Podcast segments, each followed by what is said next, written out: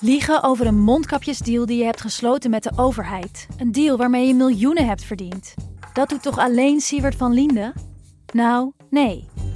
Ik ben Felicia Alberding en in de Mondkapjesmiljonairs duik ik met een team van correspondenten in andere schandalen.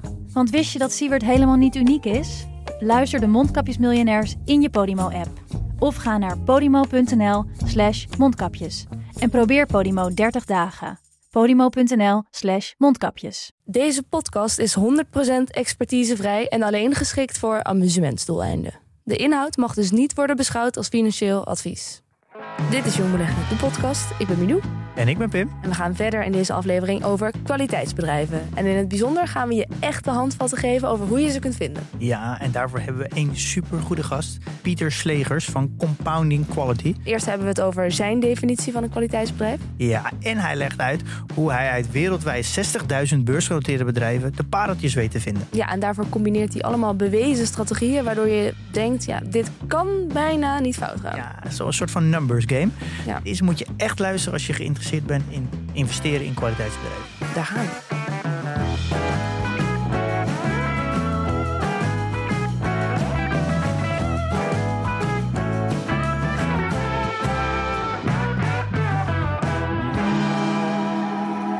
Pieter Slegers, fijn dat je er bent. Heel erg bedankt voor de uitnodiging. Nou ja, fijn dat je wilde komen, helemaal uit België. We hebben je uitgenodigd om ons bij te staan in onze zoektocht naar kwaliteitsbedrijven. Gaan we straks uitgebreid over hebben. En voordat we deze aflevering überhaupt beginnen, is het misschien goed om te zeggen: luister even naar de afleveringen die hiervoor zijn geweest, lieve luisteraar. Want we gaan helemaal door op dat beleggen in kwaliteit dus. En daar hebben we het al best wel uitgebreid eh, hier en daar over gehad. Ja. En eh, voordat we echt gaan beginnen met deze aflevering, eerst nog even een kleine huishoudelijke mededeling, hè, Pim? Het is wel goed om eh, even te melden dat de prijzen van PDT en ook daarbij de community vanaf 1 maart omhoog gaan. En dan alleen het jaarabonnement, want die gaat naar 75 euro. eh, en Ja. de prijs is nu 60 euro. Dus dat is een prijsverhoging. De maandabonnement blijft wel hetzelfde, Dus dat blijft 57. 57. Dus eigenlijk wat er gebeurt is dat de korting van het jaarabonnement wat wordt verlaagd. En eh, dat wordt nu naar eh 10 maanden. Dus je krijgt Ja. twee maanden korting als je een jaarabonnement neemt. Ja, maar als je al abonnee bent, dan blijf je abonnee ook gewoon. Ja, dus dit is voor nieuwe abonnees. Dus overweeg je om PDT te gebruiken.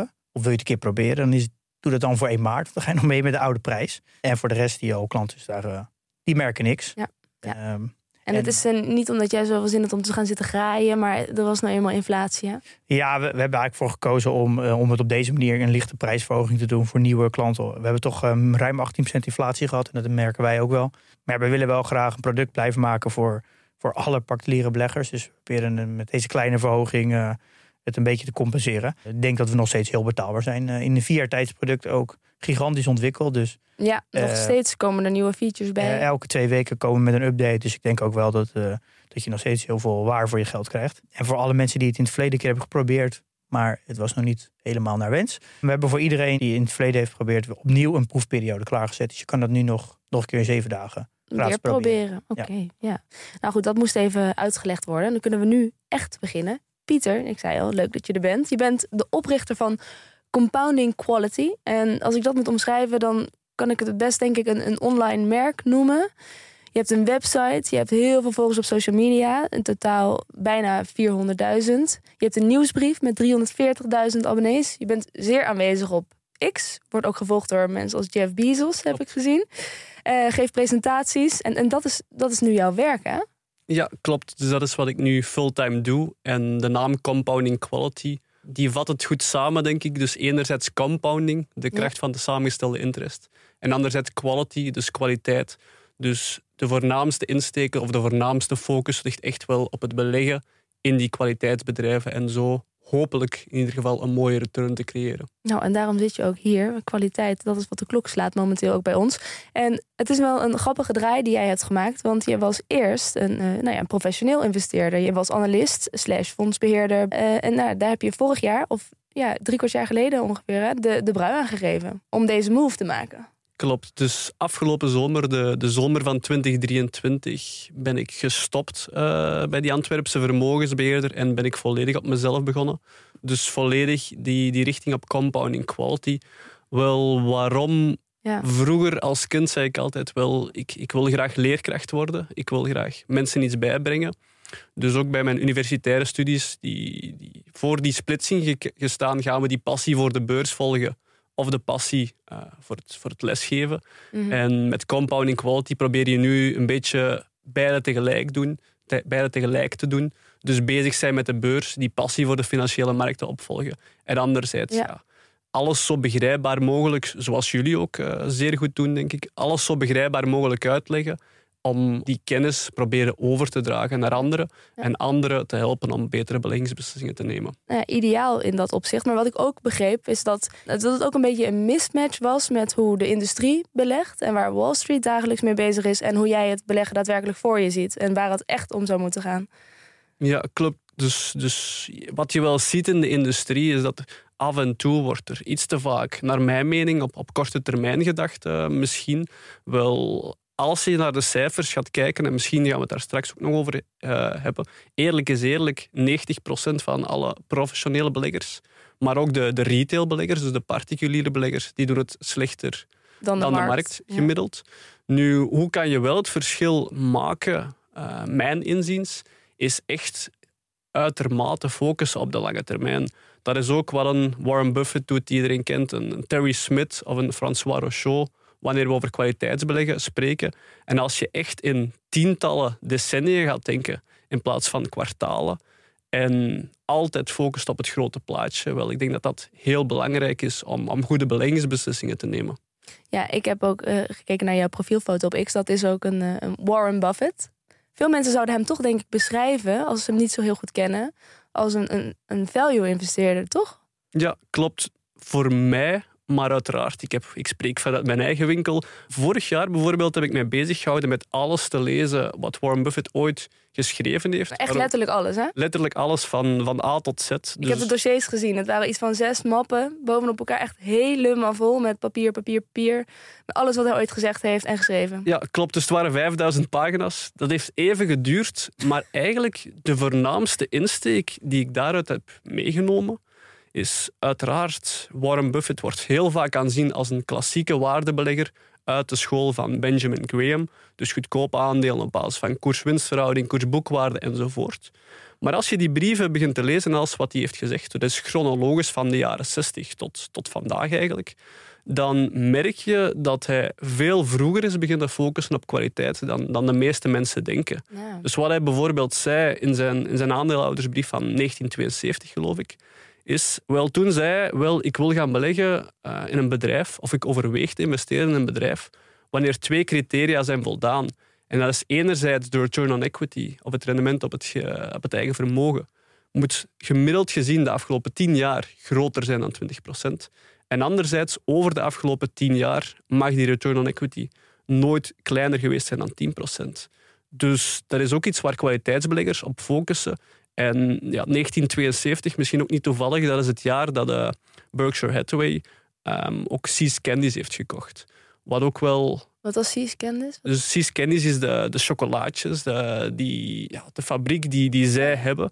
En het mooie daaraan is, in die tijd Warren Buffett was tussen aanhalingstekens super, super gierig. Hij wou niet te veel betalen enzovoort. Maar wat ze uit die belegging hebben geleerd is, jaar na jaar, na 1972, elk jaar, dus van 1972 tot vandaag, 2024, heeft Candies elk jaar zijn prijzen verhoogd. En dan zie je dat ze dat voor enkele miljoenen hebben gekocht in 1972. En dat dat vandaag, ja, het is uit het hoofd, ik denk bijna 2 miljard aan, aan free cashflow voor hen heeft gegenereerd. En dat leerde Buffett van, kijk, als die bedrijven kunnen blijven doen groeien en hun intrinsieke waarde per aandeel kunnen doen blijven toenemen, wel, dan kan het lonen om te betalen voor een goed bedrijf. Ja. En je kan ook wel stellen, stel, en dat is trouwens onder invloed van Charlie Munger, die, Charlie Munger heeft eigenlijk Warren Buffett een beetje ja, de, de evolutie van waardebeleggen naar kwaliteitsbeleggen getoond. Moest die belegging in Seas Candies nooit gebeurd zijn, dan had Warren Buffett vandaag bijvoorbeeld nooit belegd in, in Coca-Cola of Apple. En zo heeft hij eigenlijk die, die, die, die kracht van die compounders ja, doen inzien eigenlijk. Dat is echt- Waarom eh, heb- denk je dan dat dat beeld dat Warren Buffett van op value zit, dat dat nog zo aanwezig is? Twee zaken, denk ik. Ik denk eerst en vooral wel Warren Buffett in de, in de early days. Hij was echt een puur, pure waardebelegger. Dus de zogenaamde cigar butts, super goedkoop, onder hun boekwaarde enzovoort. Ja, maar flutbedrijven vaak dus, hè? Ja, inderdaad. Ja, Welk probleem had Of welk probleem had Berkshire Hathaway en hebben ze vandaag nog steeds? Wel, om, net omdat ze het zo goed deden, groeide die size, um, hadden ze grotere bedragen te beleggen. En eerlijk is eerder, dat is, dat eerlijk is eerlijk, dat is makkelijker om te doen via kwaliteitsbedrijven. Waarom? Als je gaat waarde beleggen, wat je eigenlijk doet, is je vindt een aandeel dat volgens jou ondergewaardeerd is, je koopt het en als je je huiswerk correct hebt gemaakt, wel, dan gaat die waardering stijgen, gaat de beurskoers stijgen, maar is per definitie dat aandeel niet meer ondergewaardeerd. Dan moet je een nieuw ondergewaardeerd aandeel zoeken. Terwijl bij kwaliteit is het meer kwaliteit heeft vaak zijn prijs, wordt door de beurs herkend. Maar als je je huiswerk goed hebt gemaakt, dan gaan die bedrijven hun intrinsieke waarde per aandeel kunnen doen blijven toenemen. En dan moet je niet verkopen. En dan is het inderdaad ook een grappige vraag. Waarom wordt Warren Buffett nog zo vaak als pure waardebelegger aanzien? Wel, dat is puur omwille van hoe hij in de, in de vroege dagen, in de early days, succesvol heeft geworden. Maar ik denk dat het vandaag minder van toepassing is. En iedereen kent de quote van Buffett wel. Wel, wat hij vandaag een beetje zegt is: It's way better to buy wonderful companies at a fair price than fair companies at a wonderful price. Dus hij probeert die wondermooie bedrijven tegen een faire prijs vandaag te vinden. Ja. Het straks hebben over de zoektocht naar kwaliteitsbedrijven. Wat zijn hun karakteristieken volgens jou? Hoe vind je ze?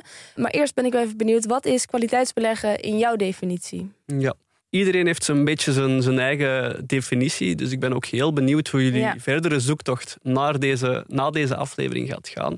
Wel, als je het aan mij vraagt om het te definiëren in het kort, dan, dan gaat kwaliteitsbeleggen om, om beleggen in de beste bedrijven ter wereld. Dus weer die quote van Buffett: wondermooie bedrijven kopen tegen een faire prijs. Of dat is wat je tracht te doen. Ja. Ik probeer dat altijd te doen in drie stappen. En dat is ook wederom, excuses als die naam te vaak gaat vallen, maar wederom gebaseerd op Warren Buffett. En ook op kwaliteitsbelegger Terry Smith. Je kan dat in drie stappen doen. Dat is inderdaad één, wondermooie bedrijven vinden. Dus gezonde balans, hoge marges, goede kapitaalallocatie enzovoort.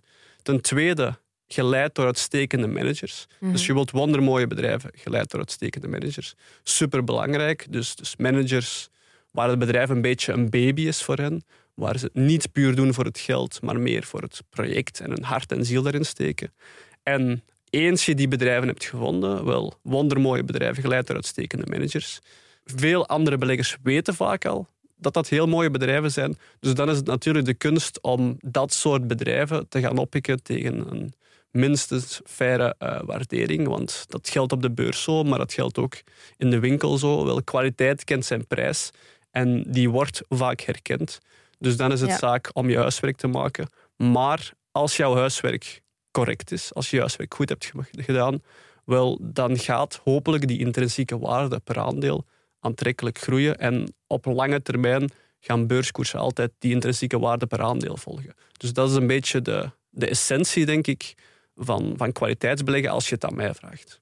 Ja, dat is een beetje in de gedachte van uh, buy good companies, don't overpay and do nothing van exact. Terry Smith. Mhm. Eh, wat ik heel erg werd geraakt toen ik in aanraking kwam met jouw uh, beleggingsstijl, hoe jij je beleggingsuniverse definieert, zit jij per onderdeel heel erg zoek naar een soort evidence-based-achtige soort onderzoeken die bewijzen dat die een soort van filtering die jij toepast op je beleggingsuniverse, dat dat een bewezen outperformance heeft. En dat vond ik dus een hele interessante benadering, waardoor je dus zoekt naar waar zit overal de alfa. Dus ook de factor beleggen waar we een aflevering hebben gemaakt, waar, waar jij dan heel erg let op value, size en quality. Dat, dat die drie ook laten zien, wetenschappelijk gezien, dat dat een, een, een outperformance kan maken. Dat jij daar naar kijkt en zo je universe verkleint aan de hand van waar zit de alfa. En dan meerdere filteringen over elkaar legt. Is dat omdat je uit data weet dat die een outperformance hebben? Ja, als, als groep. Ja. ja, klopt daar ben ik eigenlijk een beetje vertrokken vanuit de insteek, waar we het al kort over hadden. Wel 90% van alle beleggers, zowel particulieren als professionele, doet het slechter dan de markt. Als we spreken over professionelen, maak je zeker geen illusies. Wel, dat zijn verschrikkelijk slimme mensen of verschrikkelijk slimme koppen daar bij elkaar. Mhm. Ik had altijd het gevoel, wel, ik ben de, de domste persoon in, in de kamer daar, uh, als je begrijpt wat ik bedoel. En dat zijn de data, dat zijn de feiten. Dan de volgende vraag die je kan stellen is inderdaad, waarom zou ik het, beter kunnen doen? Uh, die mensen zijn super slim en, en voor mij de enige manier waarop het logisch was dat je het potentieel beter gaat kunnen doen, is dat je gaat focussen op strategieën die hebben gewerkt in het verleden en gaat beleggers gaat bestuderen die al 20, 30 jaar het beter hebben gedaan dan de markt. En hen een beetje kopiëren. Dat is ook wat de Monish Pabrai zei. I'm a shameless copycat. Dus Ja. zeker in de beurs geldt dat ook. En er is een heel mooi boek geschreven, What Works on Wall Street, van, van James O'Shaughnessy. Mhm. Hij heeft eigenlijk allerlei verschillende strategieën getest of gebacktest van 1950 tot 2011 was het geloof ik in zijn boek.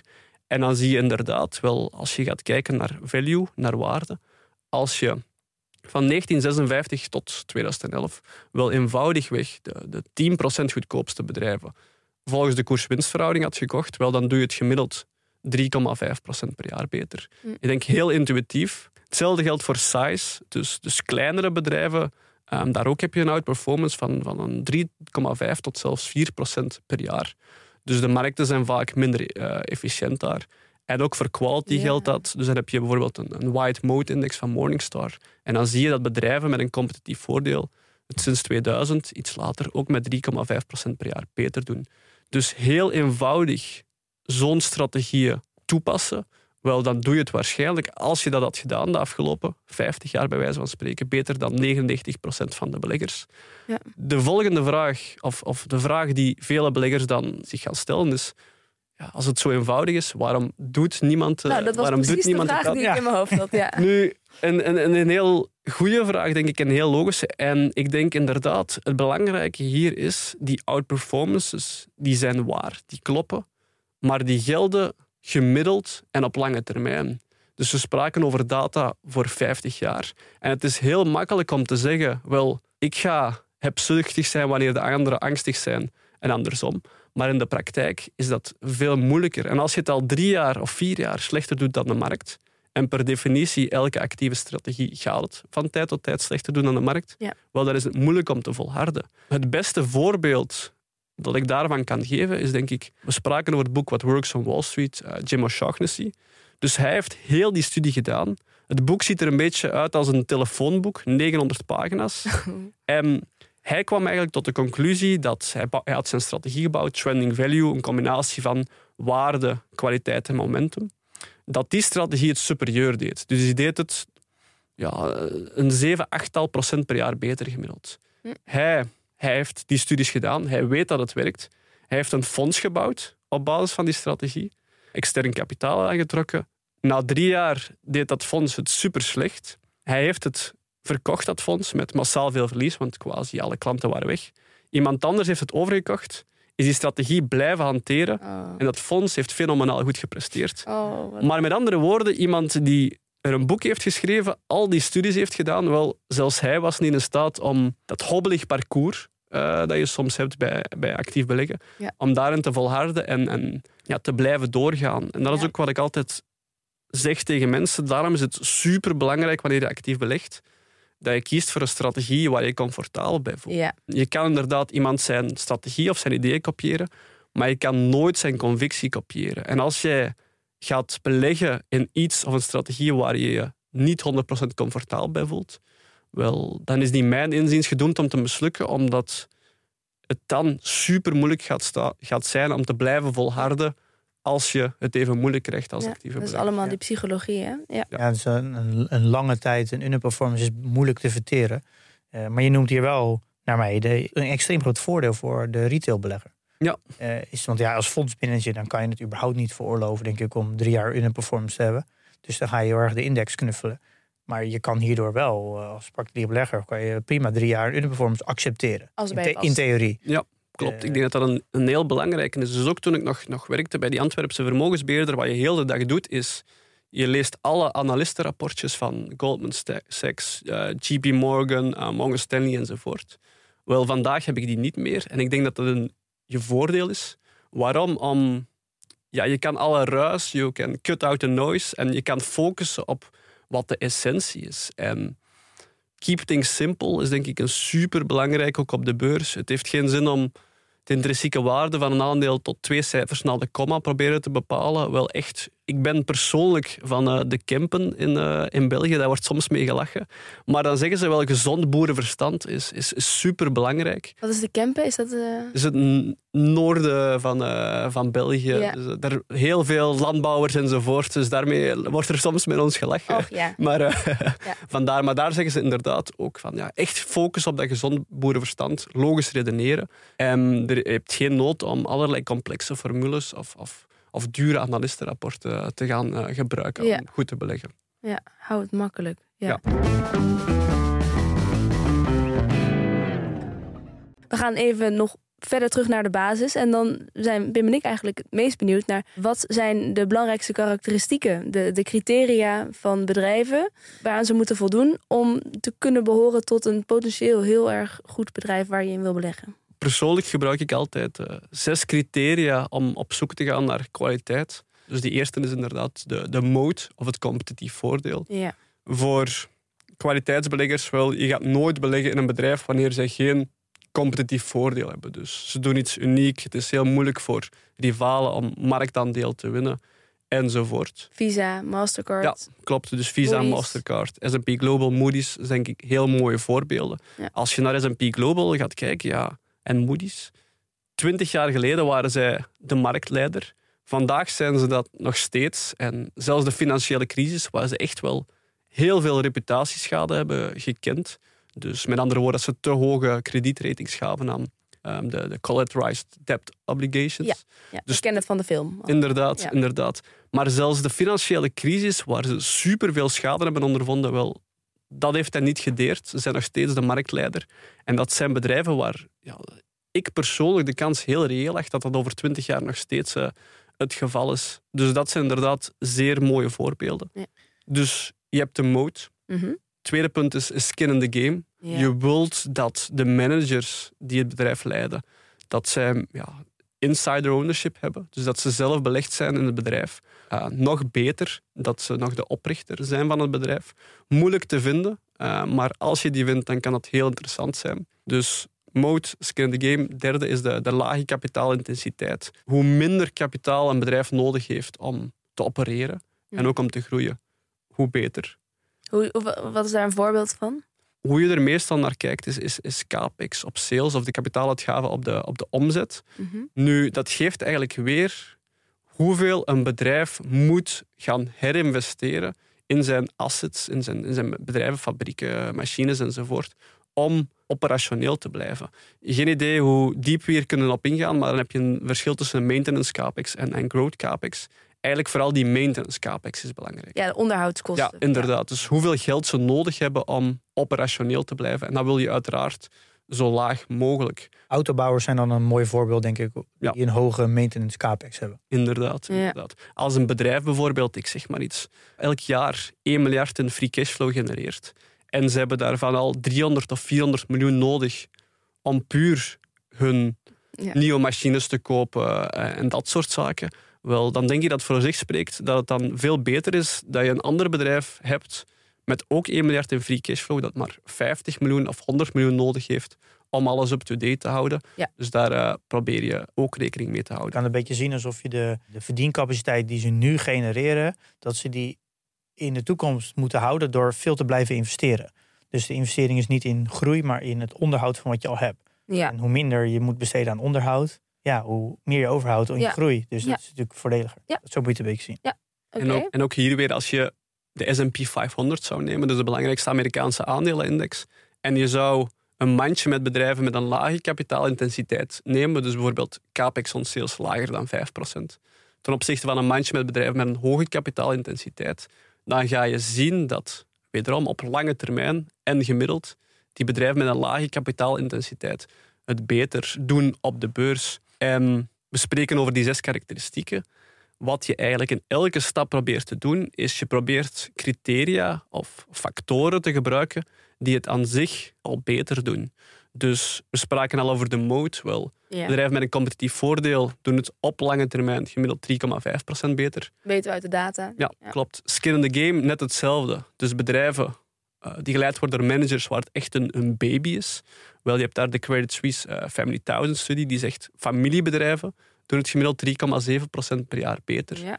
En ook de founders mentality en ook een, een studie van de Ha- Harvard Business Review.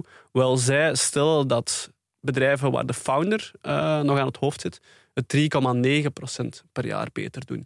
Dus zo probeer je elke keer ja, verschillende factoren te combineren die Ja. het al goed doen. Je lijstje, je belegbaar universum gaat slinken en slinken en slinken. Maar zo hoop je al over te blijven met een universum dat aan zich gemiddeld op lange termijn het al goed doet. Maar van, ik zou durven stellen, op lange termijn gaan die honderd bedrijven die in het lijstje zitten, die zouden het rationeel gezien ehm, al beter moeten doen dan de markt. Ja. Maar Pieter, dit is natuurlijk eigenlijk gewoon wel vrij logisch eigenlijk. Ja. Dat als je heel veel gaat filteren op, op dingen die, die bewezen zijn dat ze een outperformance halen, kan je dus ook nog filteren op bedrijven die kan je wegfilteren die bewezen slecht doen, bijvoorbeeld veel schuld. Als je dat al deze filteringen toepast, voor mij noem je die net al vijf verschillende, ja, dan hou je natuurlijk een vijver over van veel betere bedrijven dan als je alles hebt. Ja. Ja, dan maakt het, het spelletje, het maakt vissen wel een heel stuk makkelijker. Ja, klopt. Dus inderdaad, dan komen we weer terug op houd het eenvoudig. En, en laten we ons zeker geen illusies maken. Op de beurs zijn heel veel slimme koppen die, die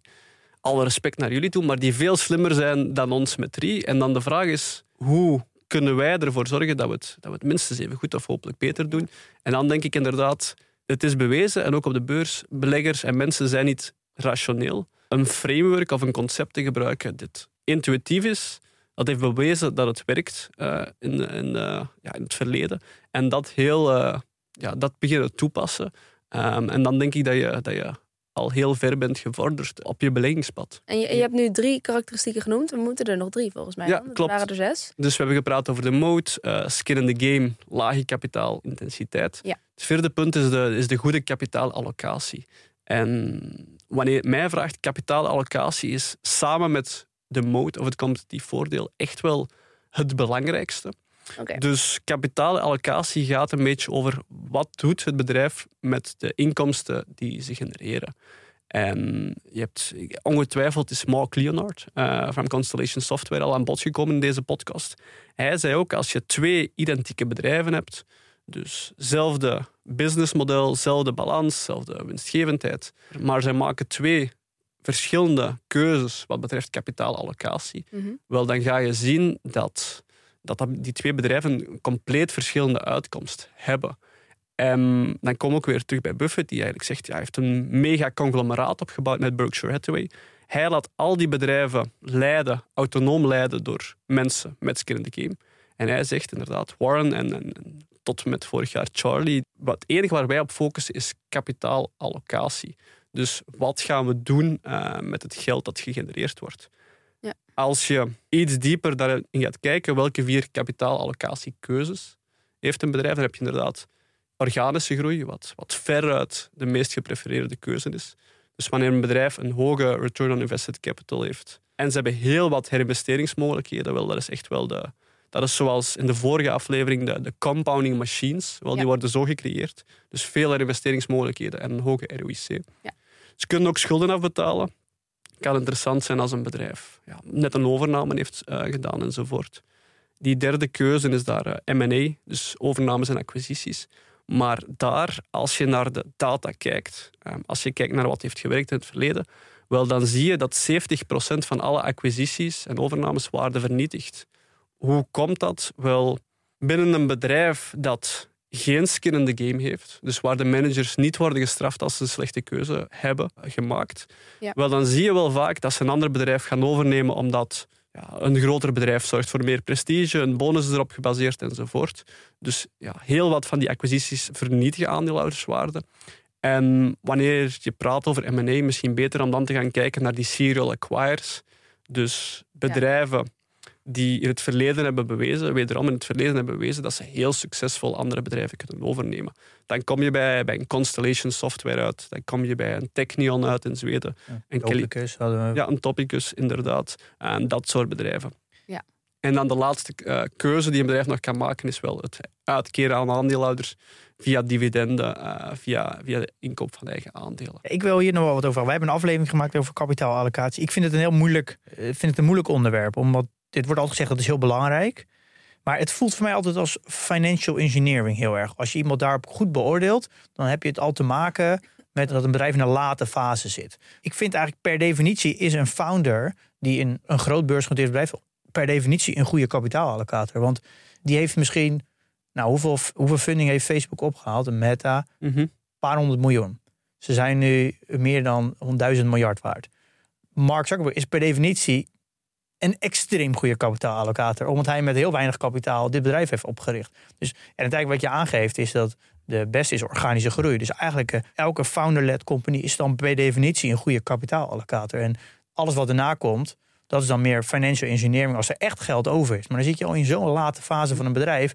Koopt hij wel in, interessant buybacks? Doet hij, doet hij dat niet op de, hoge koers? En ja, dat, dan zit je volgens mij al zo in de marge te rommelen. Uiteindelijk is het toch een hoge ROIC en het bedrijf groeit heel lang door. Dan ben je per definitie een goede kapitaalallocator. Ja, ik denk dat er een, een goede kritiek is op kwaliteitsbeleggen in het algemeen. Wel, wat doe je als kwaliteitsbelegger? Je gaat nooit beleggen in the next big thing, om het zo te verwoorden.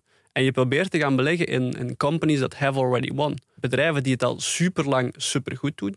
Met andere woorden, je zou twintig jaar geleden nooit in een Amazon of een Apple of wat dan ook hebben, hebben belegd. Nu, voor mij is dat perfect oké, omdat wat is het tool om lichtjes boven gemiddeld te doen over zeer lange perioden. Dat is het tool van kwaliteitsbeleggen. Beleggen in, in saaie, robuuste bedrijven die, die er al staan, inderdaad. En dan kom je wederom ook terug bij dat track record. Als je gaat spreken, laat ons kort een voorbeeld nemen, zoals een Medpace. Medpace in 1992 opgericht door August Schoendle. August Schoendle heeft vandaag, de beurskoers een beetje gestegen, dus een vermogen van rond de 2,3 miljard dollar. Hij heeft 2,2 miljard dollar in, in Medpace zitten. Dus wat kan je al stellen? Wel, hij gaat nooit een beslissing nemen waar hij intentioneel iets slecht gaat doen met het bedrijf. En August Schoendel zit al 30 jaar aan het roer daar. Medpace is super succesvol geweest. En wat je inderdaad weet, wel, ook die beurskoers heeft het supergoed gedaan, dus ook daar een st- sterk track record. Dan is dat al een serieuze indicatie van inderdaad, dat is een goede kapitaalallocator. Wat je vaak hebt bij bedrijven die geen skin in the game hebben, een, een traditioneel bedrijf, vaak zie je dat wanneer iemand zich opwerkt tot CEO binnen een bedrijf, dan is dat zeker niet omdat ze getraind zijn in kapitaalallocatie. Dat is omdat je je product supergoed kent, dat is omdat het hoofd van marketing is en zich heeft opgewerkt, eh, opgewerkt enzovoort enzovoort. Dus daar is kapitaalallocatie vaak heel nieuw. En, en moeten ze dat eigenlijk nog gaan leren, terwijl ze dan in één keer wel heel veel verantwoordelijkheid hebben, want ze zijn CEO en ze moeten die beslissingen nemen. Maar ook daar weer denk ik, ja, het track record van die founders is inderdaad per definitie quasi altijd goed. En dan, maar dan sluit je wel een heleboel bedrijven uit waarvan je die zekerheid nog niet hebt. En, en daarom voel ik me er wel comfortabel bij. Ik kwam zelf een beetje tot de conclusie dat als ik dan eh kapitaalallocatie moet controleren, dan kijk ik gewoon niet of ze het goed hebben gedaan. Maar als je het gewoon heel lange tijd niet fout doet, Ja. Dan heb je de stempel, je doet het goed. Eh, dus ik zoek, je gaat gewoon op zoek naar fouten. Je hebt heel vaak dan discussies met mensen van, ja, diegene is goed in kapitaalallocatie of juist niet, omdat die, die heeft heel duur buyback-programma gedraaid. Was bijvoorbeeld bij Mark Zuckerberg. Mhm. Ja, hij is slecht in kapitaal, omdat hij aandelen voor 350 dollar heeft gekocht. En nu staat het 80 dollar. Nou, ondertussen staat het nu weer hoger. Dus nu, nu, en nu in één keer is hij dan wel weer een goede kapitaalallocatie. Dus het is, voelt dat zo is zo. schizofreen. Het is zo, zo dat eigenlijk de enige waar je het heel hard op kan beoordelen is op de buybacks. En dat voelt zo simpel. Ja, klopt, inderdaad. Nou, die is wel duidelijk. De volgende, eh, nummer vijf zijn we nu aanbeland volgens mij. Een, een, een hele voor de hand liggende, denk ik. Hoge winstgevendheid. Dus hoe hoger of hoe winstgevender een bedrijf, hoe beter. Dan meestal kijk je daarvoor naar de bruto marge of gross margin, die je hoger dan 40% wilt. En dan de profit margin of 10%. En heel veel beleggers spreken over de, de winstmarge of de profit margin. Maar ik denk dat voor, voor de meeste mensen is aangeraden om echt naar die free cashflow te gaan kijken. Omdat die, die veel robuuster is. Je hebt ook een, eh, een uitstekend boek, Stocks for the Long Run, van Jeremy Siegel. En daar staat een studie in, wederom, van 1800 tot vandaag. Dus waar hij alles heeft bestudeerd van obligaties, aandelen, eh, waardering, eh, size enzovoort. En wat zegt hij? Wanneer je eigenlijk een mandje zou maken met bedrijven die het minste van hun winst vertalen naar vrije cashflow, en je zet die af naar bedrijven die het meeste winst omzetten naar vrije cashflow, wel, dan doen gemiddeld, en, en ik- heb het zelf drie keer moeten nakijken, ik dacht, het klopt niet. Die bedrijven doen het gemiddeld 18% per jaar beter. Waarom? Wel, op het einde van de rit, alles gaat om de cash die het bedrijf genereert. En wat je ook ziet, is wanneer een bedrijf niet veel winst omzet naar vrije cashflow, dan, zijn ze, dan is er een veel groter risico dat er sprake is van fraude, van financial engineering, dus van het ja, make up the numbers. Um, mm -hmm. dus ja, free cashflow is echt wel een, heel belangrijke metric. Je praat dan nu over uh, de free cashflow conversie. Ja, dus klopt. Conversie. Inderdaad. Ja, dus de, ja, dus dat is een hele belangrijke. Daar hebben we natuurlijk met uh, Mark over gehad, aflevering van Free Cash Flow. Ja. Dat dat een hele belangrijke Mhm. maatstaf is. En hoe, hoe kijk je daarnaar? Zoek je dan echt naar bedrijven die, die dan 80, 90 procent hebben of zo? Ja, dus heel eenvoudig. Dus, dus free cashflow conversie, eenvoudigweg de free cashflow deel door de net income. En je wilt dat die bijvoorbeeld de afgelopen vijf jaar groter was dan 90% Of gemiddeld groter dan 90% Dus Over een lange periode, want Ja, cashflow, klopt. free cashflow kan een beetje schommelen. Dan inderdaad. wil je een langere periode pakken. Ja. Dus eigenlijk weer eentje die je wetenschappelijk kan onderbouwen. Zo, Ja, eh, Klopt. Nou, ik ben, eh, je hebt niet alleen heel veel gelezen, maar je weet het ook nog even allemaal zo uit je hoofd te reproduceren. Ik denk dat inderdaad, en dat merk je ook bij jullie, wat je graag doet, wat je met passie doet, wel, dat is een hobby en, en, en een beetje je leven. En dan, eh, dan is dat heel Ja. leuk om, eh, om ermee bezig te zijn, ook om hier te, te zitten. Dan gaat het vanzelf. Nou, heel goed. Eh, laatste karakteristiek die we nog willen bespreken. Ja, dus dat is eh, de seculaire trend of de, eh, de aantrekkelijke groei. Dus wat we weten is dat op lange termijn beurskoersen altijd de evolutie van de intrinsieke waarde volgen. Op korte termijn is dat niet, want dan is er sentiment. Nu, als je weet dat die beurskoersen altijd intrinsieke waarde volgen, en je weet ook dat de voornaamste drijfveer voor de intrinsieke waarde, eh, of voor die groei, de groei van de winst per aandeel en de free cashflow per aandeel is, wel, dan denk je dat het heel intuïtief is, dat het veel makkelijker is voor een bedrijf dat actief is in een seculaire trend, dat het veel makkelijker voor hen is om, om te groeien. Ja. Zij fietsen met wind mee, om het in wielertermen te, te zeggen, of zij, ze hebben de wind in de zeilen. Wat zijn voorbeelden van zo'n seculaire trends? Wel, je hebt vandaag bijvoorbeeld... Ja, Obesitas. ja, inderdaad, ik wou het net ophalen. Helaas heb je obesitas. Ja. Wel, Eli Lilly en Novo Nordisk, die, als je de beurskoersen gaat bekijken, Oh ja. als je die, dat aandeel 30 jaar had, wel, je hebt er zomaar eentje in je portefeuille nodig om, om een grandioos succes te zijn eh, als belegger, denk ik. Dus die doen het supergoed. Wat is een ander voorbeeld? Wel, verstedelijking, urbanisatie. Wie profiteert daarvan? Wel, liftenbouwers. In steden zijn meer liften nodig. Denk aan een, een Kone of een, of een Otis bijvoorbeeld.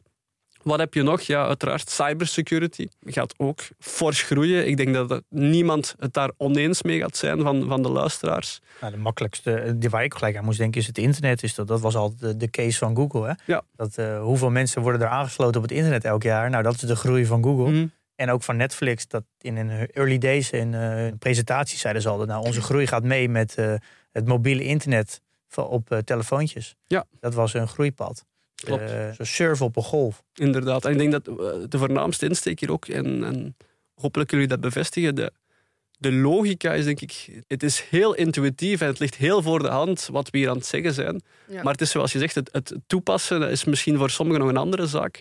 Maar inderdaad, als jij, net zoals met koersfietsen, met de wind meefietst, wel, dan is het nu eenmaal veel makkelijker. Het, het gaat veel makkelijker zijn voor een internetbedrijf om te groeien dan een bedrijf wel in een, in een sector die steeds minder en minder wordt gebruikt. En ik zeg maar iets in olie of, of sigaretten, omdat er toch wel steeds meer bewustwording is. Wel, dus zij hebben het nu eenvoudig makkelijker. Dus de kansen dat ze hun intrinsieke waarde per aandeel gaan kunnen doen groeien aan aantrekkelijke ratio's of aan aantrekkelijke percentages, is ook interessanter. En als je gewoon al eens gaat kijken naar hoe de eindmarkt groeit van een bedrijf, wel, als de eindmarkt van een bedrijf groeit met 9, 10 procent per jaar, wel, dan moet eigenlijk dat bedrijf nog, nog niet zoiets gek doen in die industrie, dus gewoon zijn marktaandeel behouden, om, om al mooi te kunnen groeien. En dan spreek je over het internet, over obesitas, over urbanisatie, cybersecurity, digitale betalingen, ook hoorapparaten bijvoorbeeld, ook een beetje gelinkt aan de vergrijzing. Het ligt voor de hand. Dus wat ik persoonlijk daar een beetje probeer te doen, ook in een stockscreener enzovoort, um, om wederom je, je belegbare universum te verkleinen, is gaan kijken of zoeken naar bedrijven die een omzetgroei met, met minstens 5%, of als je nog strenger wilt zijn, minstens 7% konden doen toenemen in het verleden en een free cashflow uh, per aandeel ook met, met, met iets meer, want je hebt je operationele hefboom 7 tot 9%. En zo ga je steeds ja, allerlei factoren beginnen combineren die in het algemeen het goed zouden moeten doen. Ja, nog één uh, punt. Je, kwaliteitsbedrijven die hebben natuurlijk vaak hoge marges. Nou, je gaat wel hoge winstgevendheid. Uh, hoe ga je om met disruptie? Want dat is natuurlijk, ze hebben allemaal, hoe uh, Chuck Aker het zei, een boel zei op hun rug. Want iedereen wil daar wat van hebben. Disruptie is voor mij samen met waardering waarschijnlijk het, het gevaarlijkste of het grootste risico voor kwaliteitsbeleggers. Want zoals we zeiden, kwaliteit wordt vaak erkend door de markt. Die waardering is vaak iets hoger. Als er dan disruptie komt, wel, dan is er een tweesnijdend zwaarte negatieve richting. In de zin van, wel, de bedrijven gaan hun intrinsieke waarde per aandeel minder snel kunnen doen toenemen. Of, of nog slechter, misschien zelfs dat het een beetje daalt. En anderzijds ook, de markt ziet dat ook. Dus die multiple, die waardering, die gaat ook dalen. Waardoor je dan met, met heel teleurstellende resultaten kan komen als belegger. Hm. Wel, wat is voor mij de voornaamste manier om disruptie te vermijden, is die circle of competence. Dus al enkel gaan beleggen in bedrijven die je, die je begrijpt. Warren Buffett definieerde zijn circle of competence wel. Er moeten twee criteria aan voldaan zijn. Is één, heel vooraan liggend, terwijl ik moet begrijpen hoe het bedrijf geld verdient. En ten tweede ook van, kijk, ik moet een, een educated guess, dus ik moet een inschatting kunnen maken van hoe zowel het bedrijf, maar ook die industrie er over 10 en 20 jaar uitziet. Bijvoorbeeld, je weet dat iedereen over tien jaar nog, nog koffie zal drinken, zijn tanden zal poetsen enzovoort. Hoe dat de, de, de markt voor artificiële intelligentie er bijvoorbeeld zal uitzien over, over 10, 20 jaar, dat is veel, veel onzekerder.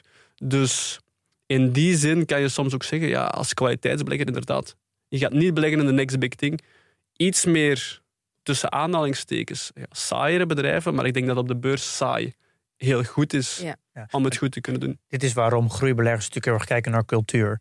Uh, ja. Dus je echt een uh, vooral tech-belegger bent, dan is één focus, is je, gewoon je primaire focus is cultuur. Want ja, als het een goede cultuur is met. Uh, Binnen het bedrijf bedoel je? In het bedrijf, dan kunnen ze zich heel makkelijk pivoten. En naar, dus dan, ben je min, dan hoef je niet te voorspellen over de sector, maar dan voorspel je dat het bedrijf zo een goede cultuur heeft dat het zich heel makkelijk kan aanpassen. Dus meer agile of fragile is. Ja. Uh, daarom kijken zij heel erg daarnaar. Ja. Uh, ik vond het wel interessant wat je zei, want dit is exact wat ik heb meegemaakt dus met Meta en met Algen.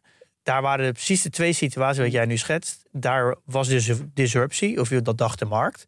Uh, want voor mij ging voor het eerst bij Meta, volgens mij, het aantal actieve gebruikers bleef gelijk of ging ja. ietsje naar beneden, echt minimaal. En toen was het in één keer, oh kijk, het groeit niet meer. Het wordt uh, ingehaald door andere social media. En dan in één keer wordt die, waarde, die, die multiple wordt in één keer veel naar, heel erg naar beneden gezet. En het groeiperspectief wordt verlaagd. Dus dan krijg je een soort van dubbel zwaard, wat jij aangaf. Dat had je bij Algen ook. Het was in één keer, hey, marktaandeel verliezen ze. Dus er moet in één keer veel minder voor betaald worden. En de groei wordt flink naar beneden geschroefd. Dus dan krijg je dus een dubbel effect. Ja.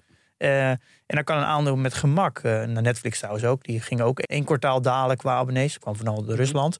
Uh, ook gelijk 70% naar beneden. Ja. Dus dat zijn wel, als er disruptiegevaar is, of in ieder geval de markt denkt dat, dan, ja. dan kan er echt, ja, dan kan het gewoon 50, 60, 70% naar beneden. Dus dan krijg je, echt, krijg je hem dubbel hard. Ik denk dat, dat, dat twee heel mooie voorbeelden zijn. Als je bij Meta bijvoorbeeld gaat kijken, wel, wat, wat zij zeggen is inderdaad, we gaan superveel investeren in de metaverse. Wat gebeurt er? Het is x aantal miljard. Dus die miljarden die worden niet gebruikt om andere zaken te doen die al winstgevend zijn. Dus dan zie je, het is uit het hoofd wel, een, een, een winstmarge, free cashflow marge, gaat met 10% dalen. Dus ook die free cashflow die gaat dalen. En anderzijds ook je multiple gaat van ergens eind de 20, van 30 naar op het dieptepunt geloof ik naar, naar 10. Ja. Dus dat is al een, een, een daling van, van twee derde puur door die multiple en dan nog eens, ja, uiteraard, minder op de bottomline die erover blijft. Dan kan het heel snel gaan. En ik geen idee of je vandaag nog belegd bent in, in Adyen. En... Uh, allebei zijn nummer, positie nummer 1 en 2. Dus ik kan het, andersom kan het ook heel snel gaan, wat uiteraard ook heel, uh, heel leuk is voor jou dan uh, nu op dit moment natuurlijk met Adyen en Meta. Het was wel emotioneel, wel even ja. leerzaam. maar ik heb, hem, ik heb hem helemaal door, door ja. ja. helemaal uitgezeten en ondertussen ook nog bijgekocht. Dus het is voor mij nu goed uitgepakt. Maar dat zijn wel twee situaties waar het kan natuurlijk ook een keer gebeuren dat het wel waar is en dat het niet herstelt. Dus, is dus in beide gevallen uh, was de angst in de markt dus niet terecht. Maar er zijn natuurlijk ook genoeg voorbeelden te bedenken waar het dus wel terecht was. Ja, en dan komt het nooit meer op zijn oude niveau terecht. Dus dit is wel een, hele, een goed punt, denk ik, om, uh, om als kwaliteitsbelegger om in de gaten te houden. Ja. Oké, we hebben nu zicht op die, die karakteristieken. Dus competitief voordeel, skin in the game, lage kapitaalintensiteit, uitmuntende kapitaalallocatie, hoge winstgevendheid en een seculiere trend. En eh dat is allemaal leuk en aardig. Maar we hebben ook Chuck Eker horen zeggen van het is, of nou hebben we niet horen zeggen misschien, maar we hebben het wel geconstateerd in die aflevering. Er zijn gewoon niet heel veel van die kwaliteitsbedrijven. Dus nou ja, wereldwijd 60.000 beursgenoteerde bedrijven. Hoe gaan we daar het kwaliteitsbedrijf uitpikken? Ja, dus wereldwijd zijn er ongeveer 60.000 beursgenoteerde bedrijven. Ik denk dat we het er allemaal over eens zijn dat, dat niemand 60.000 bedrijven kan gaan analyseren. Ja.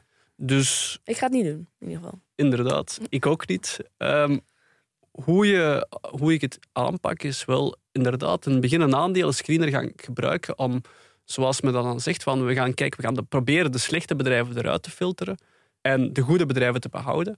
En op basis daarvan ga je proberen te zoeken naar eerst een goed belegbaar universum en daarop je, je portefeuille gaan, gaan vormen. We hebben de zes karakteristieken besproken. En het mooie is ook dat je al die karakteristieken gaat, kan gaan kwantificeren. Zoals de mode, ehm, hoe kwantificeer je dat? Wel, een return on invested capital groter dan 15% en een bruto marge of een gross margin groter dan 40%. Skin in the game, je kan gaan filteren op insider ownership. Hoge winstgevendheid, dus hoge winstmarge en een free cashflow op, op net inkom eh, groter dan 90%. En. Zijn dit getallen die jij zelf hebt uitgezocht? Of is, is, dat, is daar een soort van consensus over? Die getallen heb ik zelf uitgezocht, maar belangrijke kanttekening hier denk ik, er is geen gouden formule of gouden drempel waar dat een bepaald bedrijf interessant wordt. Ik filter altijd voor een return on invested capital voor 15%. Mhm. Wel, als je die verhoogt naar 20%, gaat je output er iets anders uitzien. Maar het is ook wel leuk, zeker als je er iets ervaarder mee wordt en het iets meer hebt gedaan, om een aantal varianten te gaan gebruiken. Omdat je dan gaat zien dat er soms ook andere bedrijven naar boven komen. Zoals bijvoorbeeld in, in plaats van een return on invested capital ga je een return on capital employed gebruiken.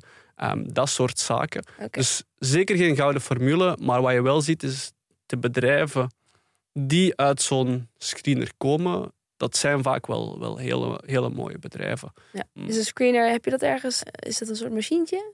Ja, in professionele sfeer heb je waarschijnlijk een Bloomberg of Refinitiv, maar dat is heel duur. Uh, persoonlijk gebruik ik nu FinChat. FinChat heeft een betalende optie, maar er is ook perfect mogelijk om, ja, er is ook een gratis sectie. En daar kan je bijvoorbeeld gaan screenen voor die karakteristieken. Maar ongetwijfeld zijn er online nog heel wat andere screeners die je gratis kan gebruiken. Finvis.com is ook Ja. een goede. Er zijn, er zijn heel veel. Als je op Mhm. aandelen screeners zoekt, dan zijn er echt... De meeste zijn ook wel gratis, de screeners. Ja, Ik wil klopt. wel zeggen dat niet alles is even betrouwbaar. Mhm. Dus eh, het is een mooie manier om even snel te screenen. Maar als je echt wil weten wat de return on invested capital is of zo, zou je toch echt naar de bedrijf zelf moeten gaan. En misschien Absoluut. zelfs moeten uitrekenen. Want Absoluut. En, en Bloomberg is een beetje onbetaalbaar? Ik vermoed dat een? Bloomberg ongeveer 25.000 euro per jaar gaat kosten. dat, is wel, dat is wel het duurste. Maar de professionals. Ja. Het, het is veel meer dan alleen maar screenen hoor. Dus een leuk speelgoedje voor, eh, Ja. voor de professionelen. Ja. Maar eigenlijk wat je gaat doen als je die criteria gaat combineren, dus hoge winstgevendheid, een, een hoge ROIC, een hoge aantrekkelijke groei enzovoort, dan, dan zie je vaak met de criteria die ik bijvoorbeeld gebruik, maar wederom ehm, voel je vrij om daar je eigen insteek aan te geven, ja, dat er, dat er een, een, een 400-tal bedrijven gaan overblijven. Dus uit de 60.000 zijn er nog maar 400 die aan die criteria voldoen. Ja. Dan ga je nog een, aan, een beetje naar beneden brengen hoe bijvoorbeeld voor mij persoonlijk, maar dat is een persoonlijke keuze, ik wil geen Aziatische bedrijven, omdat je die cultuur enzovoort minder goed be- begrijpt. Geen cyclische bedrijven, dus geen exposure naar grondstoffen, ehm, geen banken, ehm, dat soort zaken. Mm. Ehm, en dan uiteraard ook ja, altijd binnen je circle of competence blijven. Dus je gaat, dan heb je nog een lijstje met een 300-tal bedrijven. Ga ik persoonlijk kort door het bedrijfsprofiel, begrijp ik dat ja, dan mogen ze blijven staan. Begrijp je niet hoe het geld, eh, bedrijf geld verdient, wel, dan gaan ze er ook meteen uit. Ja. Dat betekent concreet, je gaat van 60.000 bedrijven naar ja, een, 300, 400-tal. Je filtert het verder door naar 250. Maar herinner u die drie stappen: wondermooie bedrijven, skin in the game en dan een aantrekkelijke waardering. Nu hebben we enkel nog maar voor die wondermooie bedrijven gefilterd. Ja. Volgende stap is skin in the game, dus dat je wilt dat de owner nog aan het hoofd zit. Of dat er ja, de familiebedrijf is, hoge insider ownership. Eerlijkheid gebiedt mij te zeggen, dit is moeilijker om voor te filteren, zeker via een, een gratis een screener. Maar als je dan inderdaad voor die 250 bedrijven skin in the game wilt, wel, dan zie je dat je nog eens een pak minder bedrijven overhoudt. Ja. Laten we zeggen een zestigtal. En uiteraard heel mooie bedrijven, geluid de uitstekende managers, die zijn vaak iets duurder. Op basis van die bedrijven die overblijven, probeer ik dan eh, een portefeuille op te stellen met kwaliteitsbedrijven, met the game, die tegen een, een faire waardering noteren. Dus eigenlijk is het een beetje een soort van trechtervorm Ja. die je steeds gaat versmallen. Dat is voor mij persoonlijk ook een heel belangrijke bij beleggen. Je, je hebt zoveel opties, er zijn zoveel ideeën, je hebt zoveel informatie op het internet. Wel, zo snel mogelijk nee proberen te zeggen op een idee ehm, is voor mij heel belangrijk. Ga je daarmee het- het kind met het baatwater soms weggooien? Absoluut. Maar zolang de bedrijven die nog overblijven, blijven, dat zij mooie bedrijven zijn, dan is dat voor mij geen, geen groot probleem. Je speelt een beetje op zekerheid op die Ja. Is, eh, al deze de dingen die je kan invullen in de screener, die staan ook in die show notes. Dus daar kan je eh, ook naar kijken. Er staat heel veel ook eh, over dit proces. En dingen die, je die, eh, die jij nu vertelt, dus die kan je gewoon bekijken. Eh, ik vind het wel, eh, wel interessant dat je zegt, ik moest heel erg denken aan angel investors en start-up investeerders. Die, die moeten vaak eh, de duizenden tickets doen. Om, en dan wil elke ticket moet dan eh, de fonds terugverdienen. Echt, dat eh, start-up, venture capital. En daar is één hele belangrijke regel met investeren in venture capital, is dealflow. Te zeggen dat als je geen dealflow kan creëren, moet je geen angel investeren, want je, je moet kunnen cherrypicken. Ja. Dat is echt heel belangrijk, want anders ga je investeren in bedrijven die, die C-keuze zijn, omdat je gewoon, in die dealflow is niet hoog genoeg, dus dan is C lijkt A. En dit heb je misschien ook met kwaliteitsbeleggen, is dat de, noem het even de, even de dealflow vertalen naar, naar retailbeleggers. Om goede kwaliteitsbedrijven te hebben, moet je gewoon een hoge flow hebben van kwaliteitsbedrijven die, die langs jou komen. Ja. Al- Als die flow niet hoog genoeg is, dan denk je misschien dat een C-bedrijf eigenlijk een, een A-bedrijf is, omdat gewoon de flow niet groot genoeg is. En dat is misschien een heel groot probleem van particuliere beleggers, is dat je gewoon je bedrijven die langs jou komen, ja, dat zijn er gewoon te weinig. Dus je krijgt, gaan er weinig bedrijven door je vingers heen, dus je, ja, je kan nooit de kersen er echt uitpikken. Eh, en dat is eigenlijk wat jij wel creëert. Jij creëert gewoon een hele hoge dealflow, waardoor je gewoon veel beter kan schalen of iets echt goed is. Ja, klopt. Ik denk, Het is een numbers game. Inderdaad. En, en in België vraagt men mij wel eens... Heel leuk, Pieter, maar, maar welk Belgisch aandeel of naar welke Belgische aandelen kijk je dan? En bij mij is het antwoord wel... Er is geen enkel Belgisch aandeel dat op mijn radar staat. En dat is het ook het mooie van wereldwijd te kijken. Wel, geen idee hoeveel beursgenoteerde bedrijven er in Nederland zijn. In België zijn dat er ongeveer 120. Als je dan van 120 bedrijven gaat vergelijken met 60.000... Je vijver waar je uit kan vissen is eenvoudigweg veel groter. En je kan ook veel selectiever zijn en heel streng zijn en criteria, verschillende criteria gebruiken die het rationeel, intuïtief gezien goed zouden moeten doen. En, en daarom denk ik, ja, die home bias, zoals men dat dan noemt, zo enkel gaan beleggen in bedrijven die gevestigd zijn in je eigen land. Ik denk dat dat een heel jammerlijke zaak is, omdat er ja, heel wat moois te vinden is, is wereldwijd Ja. en je veel meer keuze hebt. Ja. Dit zou dus de theoretische onderbouwing ook kunnen zijn. Dat, dat als je eh, belegt in kwaliteit, dat je je kennis ook compound. Omdat je namelijk, hoe langer je belegt, hoe meer bedrijven je hebt langs je komen. Dus hoe beter je kan inschatten of het een, een A-bedrijf is. Of een-. Dat heb je natuurlijk met value veel minder. Dus we moeten eigenlijk allemaal de numbers game spelen als kwaliteitsbelegger. Door gewoon zoveel mogelijk bedrijven door je handen heen te gaan. Ik vond het ook wel interessant. Jij hebt dus uiteindelijk je, je beleggingsuniverse, of je investable universe, hoe jij dat noemt, gecreëerd van eh, volgens mij 144 bedrijven uiteindelijk. En die heb jij gebacktest. En dat kon je dan mooi via je Bloomberg terminal doen. wat ik heb eigenlijk heb gedaan, is ik heb al die criteria gekwantificeerd. En wat je dan kan doen via enkele professionele tools, is, is zoals een Bloomberg, gaan kijken, kijk, die backtest in, in dit geval was van 2011, het gaan kijken welke aandelen voldeden in 2011 aan die criteria.